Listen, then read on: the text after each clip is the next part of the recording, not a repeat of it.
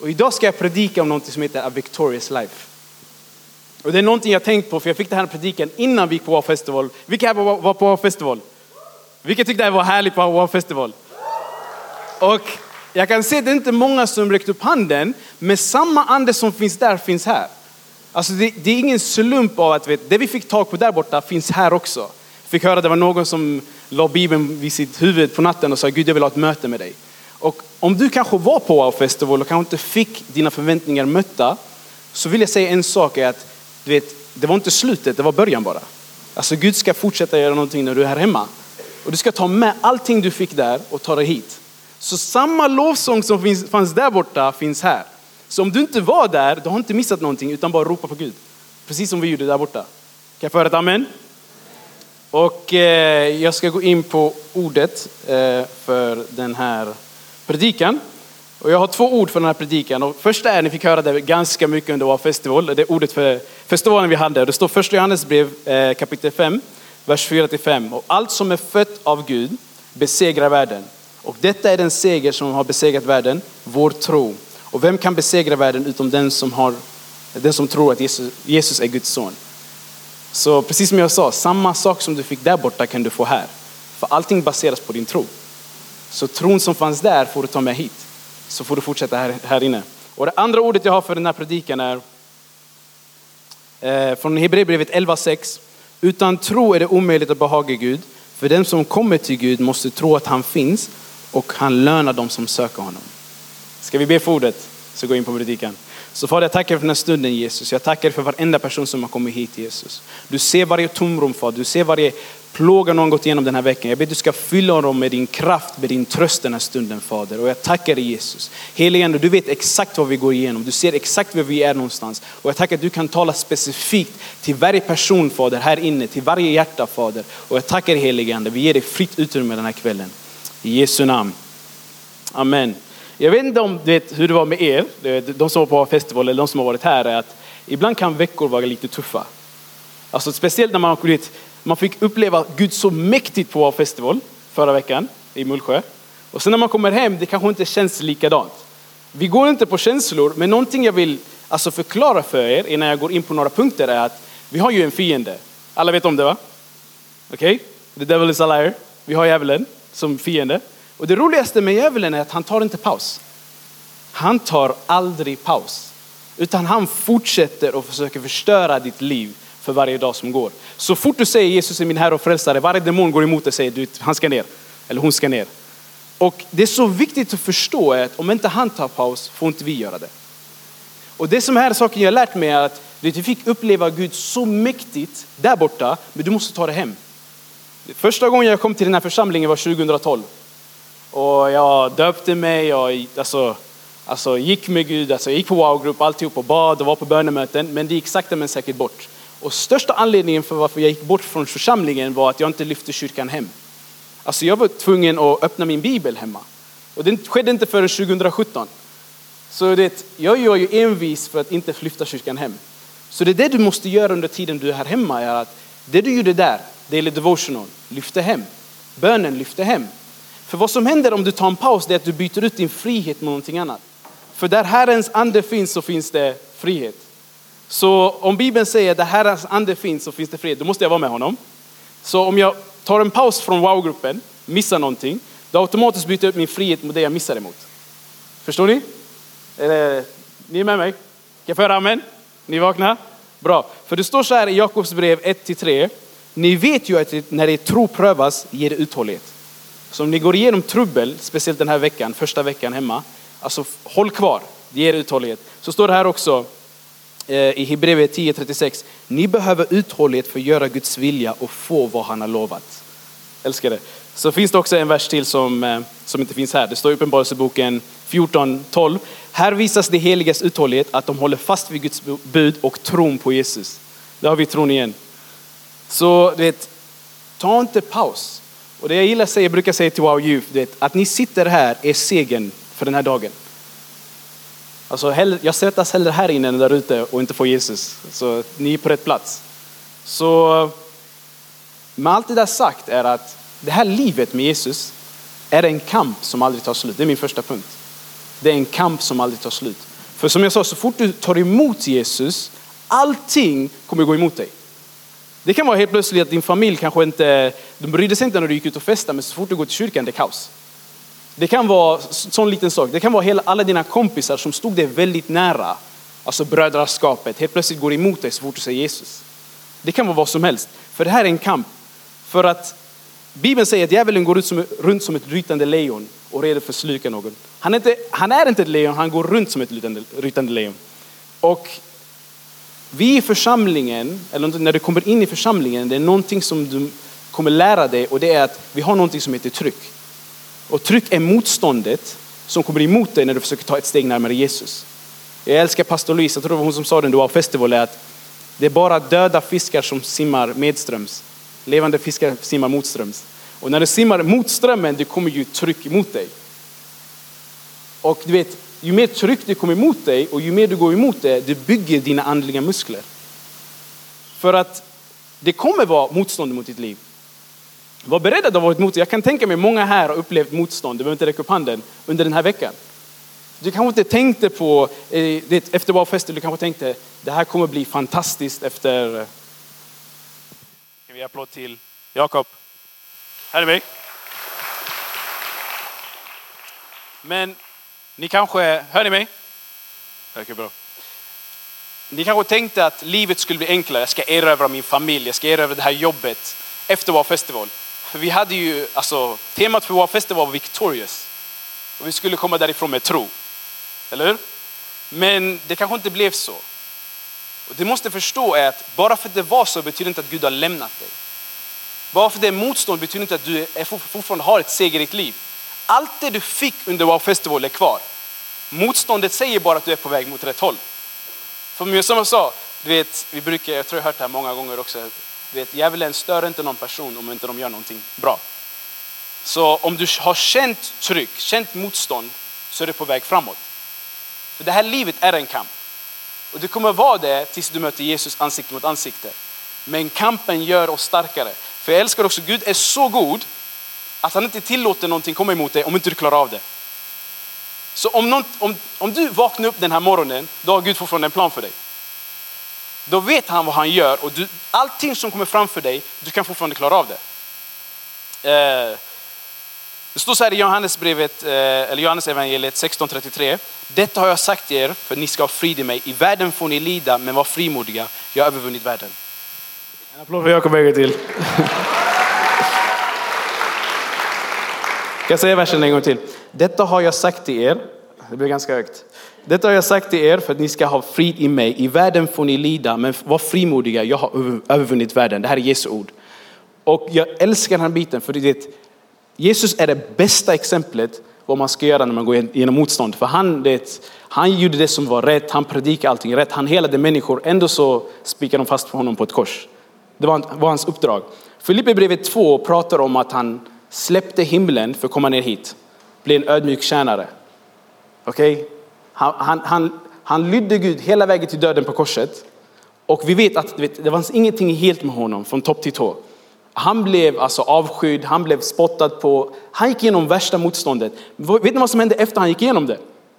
Det står också i, i mitten av Filipperbrevet 2 att han fick namnet över alla andra namn. Så det bakom ditt motstånd så ligger oftast miraklet. Du måste bara hålla kvar lite till. Amen. Och eh, för att kunna göra det här också så behöver vi ha målet i sikte. Det är mitt andra punkt. Kan vi säga ha målet i sikte? Ni behöver inte svara, men jag tror alla, vårt mål är ju Jesus. Eller hur? Det är mitt jobb, det är så, jag kan ha mål för mitt liv, men mitt sanna mål i slutet av allt är Jesus. För jag kommer hit naket, jag kommer gå härifrån naken, så det, mitt mål är Jesus. Och någonting jag har lärt mig också med mål är att alltså det, det finns en skillnad mellan mål och strategi. Vi jagar efter ett mål. Som en löpare, om en löpare bara springer och springer och springer, man kommer bli trött. Du måste ha ett mål någonstans. Och ett mål, eh, definitionen av ett mål är ett resultat man vill åstadkomma med sin insats. insats. Så det är vad jag vill sluta med. Men för att komma dit behöver jag en strategi. Och strategi säger definierar planen för hur ett givet mål ska uppnås. Så om vårt mål är Jesus, en sak för att kunna nå det målet är att vara på, i församlingen i Wow Groups. Det är grupper vi har en gång i veckan, bönegrupper, tjejer för sig och killar för sig. Det är en del av det. Att du har din daily devotional. Och det är också en av de sakerna jag vill komma in på är för att för att kunna nå målet varje dag så behöver du tre saker som Gud har gett oss för vår strategi. Det är bönen, det är ordet och det är lovsång.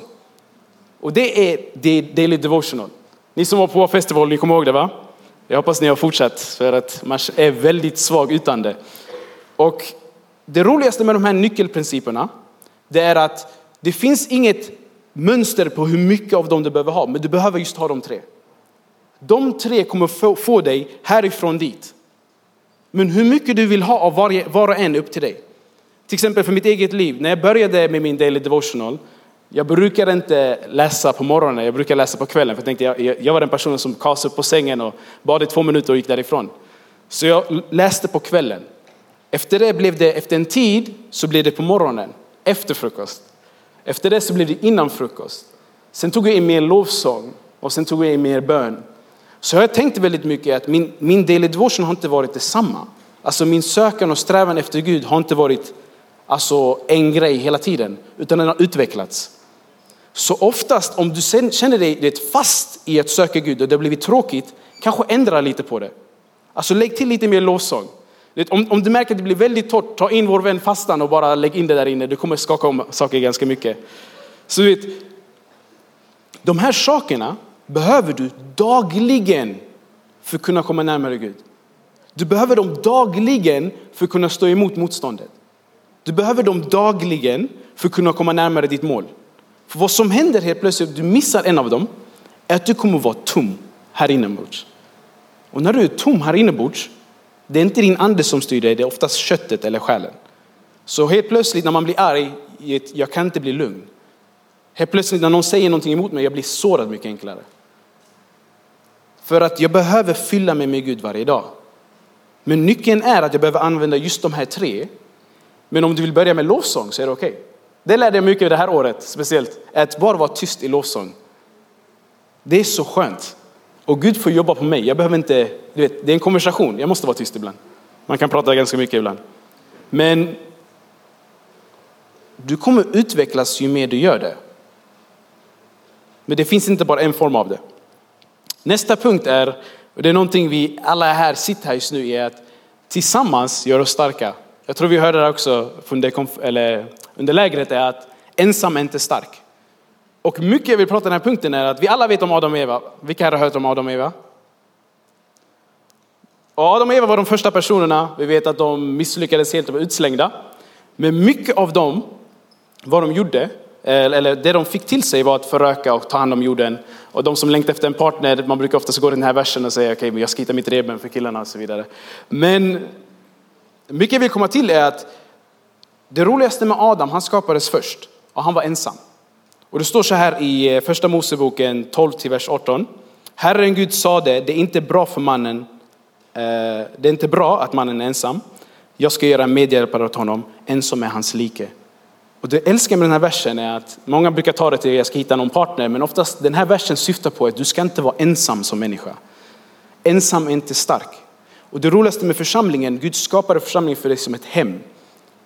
Och det är många som, det, jag kan tänka speciellt för killar, det, när, när man går igenom saker, saker och ting, man vill dra sig undan. Och det värsta när man drar sig undan är för då är det ett byte. Även djurriket fungerar på samma sätt. Alla djur som går i, alltså i en grupp, så fort de är ensamma, de är ett byte.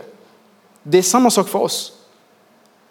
Och det roligaste med Adam är att han visste inte att han var ensam, men Gud visste att han behövde någon. Så han skapade Eva. Och jag är så förundrad över, du vet, när han skapade Eva, han förändrade allt. För han skapade en relation med, vet, utöver sig själv. Gud gav Adam en annan relation än den han hade till honom. Och det är så viktigt att förstå att om Gud ville bara ha Adam för sig själv, han skulle inte skapat Eva. Det är meningen att vi ska vara tillsammans. Det är meningen att vi ska ha gemenskap. Det är meningen att du inte ska vara ensam. Vi behöver wow-gruppen. Vi behöver församlingen. Du behöver människor runt omkring dig som uppmuntrar dig i ordet. Så du behöver människor runt omkring dig som säger till dig, du behöver ledare också som säger till dig, okej okay, du ska gå hit eller inte dit. Du behöver folk runt omkring dig. För att även om Adam hade allting i Gud, det fanns någonting som fattades. och det var relationer till andra människor. Men sen finns det också en sak som vi alla stöter på och det är dåliga umgängen. Min nästa punkt är vart är, vart är du på väg? Vart ska du någonstans? Och det jag gillar med den här biten är att vi vet att Gud skapade Adam. Han skapade Eva för Adam. Men sen fanns det någon annan person i Eden och det var ormen. Och ormen hade ett samtal med Eva och hela hennes liv förstördes. Ormen var på Eden. Ormen var där e- Adam och Eva var. Du vet, ormen var där Gud var. Det, det jag vill komma med den här punkten är att bara för att någon säger jag tror på Jesus, det betyder inte att de ska vara din vän. För att den här personen kanske inte har gått hela vägen och inte vill gå samma väg som du vill gå. Det är så viktigt att förstå att jag behöver en kompis som är villig att säga till mig, det du gör är fel. För det ormen gjorde med Eva var att han sa exakt det hon ville höra. Han sa exakt det hon ville höra, det hon, som var enkelt för henne. Och det värsta är att man har någon som bara säger samma sak. För det står också i ordet, om vi kan ta upp ordet igen, det står att Gud skulle göra medhjälpare av honom som var hans like. Det betyder någon som kan axla samma sak som honom. Det, det betyder någon som kan göra samma sak som honom. Som är villig att gå likadan, samma väg som honom. Och jag vill inte att du ska kolla till personer runt omkring dig, utan kolla på er själva. Är jag den personen som bara säger till människor runt omkring mig vad de vill höra? En sanningen. Och det här är någonting jag har lärt mig för att det stopp, det, jag vill inte vara hindret för en annan person att komma närmare Jesus. Så om jag ser någonting som inte är rätt, jag måste ju säga till personen, det här är inte rätt. För din skull. Men det är alltid obekvämt. Och någonting jag har lärt mig är att man attraherar inte människor beroende på orden man säger, man attraherar människor beroende på hur man är. Så därför säger jag att man ska peka på sig själv, Gud, vad är det jag behöver göra för att bli den bästa vännen till någon annan? Och det gäller också i wow-gruppen, de som går i wow-groups. Ni behöver inte lägga allting på er ledare, ni kan vara den personen som sträcker ut er till varandra. Alltså man behöver inte lägga allting på en person. Utan jag kan vara den personen, Ej, kommer den här personen närmare Jesus på grund av mig? Eller längre ifrån? Det, det, det, är okej okay att prata om Marvel-filmer, allsvenskan, alltså vad som händer i Manchester och vad som händer runt omkring, vad som är hippt och coolt. Det är okej. Okay. Jag gör det också, så jag kan göra det. Men det är inte det enda jag pratar om. Jag måste ha Jesus i samtalsämnet någonstans. För annars blir jag dränerad. Och det är så viktigt att förstå för att när man har precis haft ett läger och är ny i församlingen, det är så enkelt att hamna i samma mönster med samma personer och märka, Jesus varför känner jag inte din frid längre? Och det är så jobbigt och det handlar inte, om, du ska aldrig ghosta människor utan ta en stund extra med Jesus istället för att säga ja till att gå någon plats du vet inte hur du ska vara på. Är ni med mig? Är ni med mig? Skaka er granne, det är lite varmt. Jag är snart klar.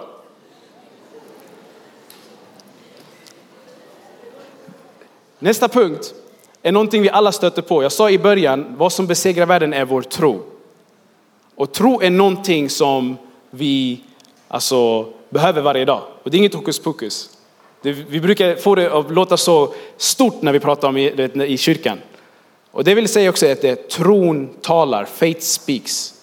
Det talar. Och varför vi pratar om att det inte är så hokus pokus är för att alla använder tro, även de som inte tror på Jesus. Tron är en vanlig sak. För att en person som ska gå in i en boxningsring kommer aldrig gå in i den om inte de tror att de vinner. De tror ju väl, okej, okay, om jag ger han en höger, han kommer knockas. Det är därför de går in i ringen. En person kommer aldrig gå fram och göra ett prov om inte de tror att de klarar av det. Vilka har, jag tror jag har varit där i alla fall många gånger. Alltså, tro är en sak som är vanligt i våra liv. Men när det, så fort när vi pratar om Gud, det blir så konstigt. Det blir så svårt. Har ni hört någon säga till er, bara ha tro. Men hur ska jag ha tro? Jag behöver pengar. Hur ska jag ha tro? Alltså jag behöver någonting just nu. Det står så här i eh, Jakobs brev 2-26. Liksom kroppen utan anden är död så är tron utan gärningar död. Jag sa till er att boxningsmannen alltså går in i ringen och tror att han kommer vinna. Tron bryts ner så enkelt att tron börjar med att du hör någonting först. Många personer som var i Jesu tid fick höra att Jesus kunde hela först innan de trodde. För det står här i Romarbrevet 10-17, tron kommer från predikan och predikan från Kristi ord. Och så det börjar med att jag hör någonting. Du kan sitta på ett möte och gå härifrån och tänka Gud, jag, du har talat till mig. Men efter jag tror på någonting så agerar jag på det. Ta boxningsmannen igen. Han, han tror att han kommer vinna, därför han går han upp i ringen. Så jag hör, jag tror, jag handlar. Så frågan är, om inte jag handlar på det jag har hört så måste jag ställa mig två frågor. Antingen har jag inte hört Gud eller så är jag feg för att agera. Det är någon av de två. Antingen har jag inte hört vad Gud vill alltså säga till mig eller är jag för feg för att agera. Och det är många gånger kanske, det, om du har kanske gått igenom den här veckan, du har hört saker och ting på Wow Festival. Gå ut och agera på det. För många gånger vi kristna faller i den här biten. Vi hör massa saker men vi agerar inte. Vi handlar inte, utan vi bara låter allting hamna i en grop. Och så höra, tro, agera. Kan ni säga till mig, höra, tro, agera. Skulle kunna få Alex komma på piano. Och det finns fyra vänner, jag tror många här kanske hörde Bets prata om det här. Det finns fyra vänner i Markus 2 och Lukas 5. De hade en kompis som var förlamad. Så de såg sin kompis och tänkte han behöver ett helande. Och de fick höra någon gång att det finns en person som heter Jesus som kan hela. Så började det för alla. Det är kanske så ni kom hit den här kvällen. Gud, jag hörde att du kan göra saker, du kan ge mig fri, därför kom du hit. Så de fick höra det, så de tänkte, vet du, låt oss ta upp dig. Broder, du behöver ett helande. Vi tar upp dig på en bår och ta dig till närmaste by där Jesus är. Vi hörde att han är där borta. Och när de kommer dit så är Jesus, alltså han är full fart och predikar. Det är så mycket folk, de kan inte ens komma fram till honom. Så de tar båren, de tänker, vet du vad? Vi måste komma fram till honom och den enda vägen är vi går upp på taket. Så de går upp på taket och de säger de tar bort tegelstenarna. Och de hissar ner sin kompis. Och det roligaste är, jag, är chockad över för de avbröt Jesus mitt i hans predikan. De förstörde taket. Jag vet inte vems hus det var direkt, men de förstörde taket på det huset. Så Jesus helt plötsligt ser en person komma ner från taket. Han kollar upp och jag älskar att han inte säger till dem, vad gör ni för något? Han säger inte till dem, varför har ni förstört taket? Det kostar väldigt mycket. Utan han såg, det står så här, han såg deras tro. Och han sa till den förlamade mannen, du är helad. Och jag älskar det står så där, vems tro, vem var det som agerade? Det, det var deras tro. Men vem var det som gjorde miraklet? Jesus. Så om du kanske har agerat och du kanske har handlat på din tro, men du inte sett ett resultat. Jag vill säga till dig, det är inte ditt jobb att visa resultatet, utan det är Guds jobb. För det var de som tog honom till Jesus, men det var inte honom, de som fick honom helad. Eller förlåt, han helade honom inte, inte långt efter det. Så det är många gånger vi fastnar i, Gud jag har gjort allting du har sagt mig att göra, men ingenting sker. Så man försöker ta saker till egna händer. Om du bjöd in någon till det här mötet, om inte de, och de inte dök upp, du har gjort ditt jobb. Om du sa förlåt till någon i din familj och Gud bad dig göra det, du har gjort ditt jobb. Du kan inte göra mer än att tro på Jesus efter det. För resultatet är hans jobb. Jesus såg deras tro och han gjorde verket. Och de var tvungna att agera på det.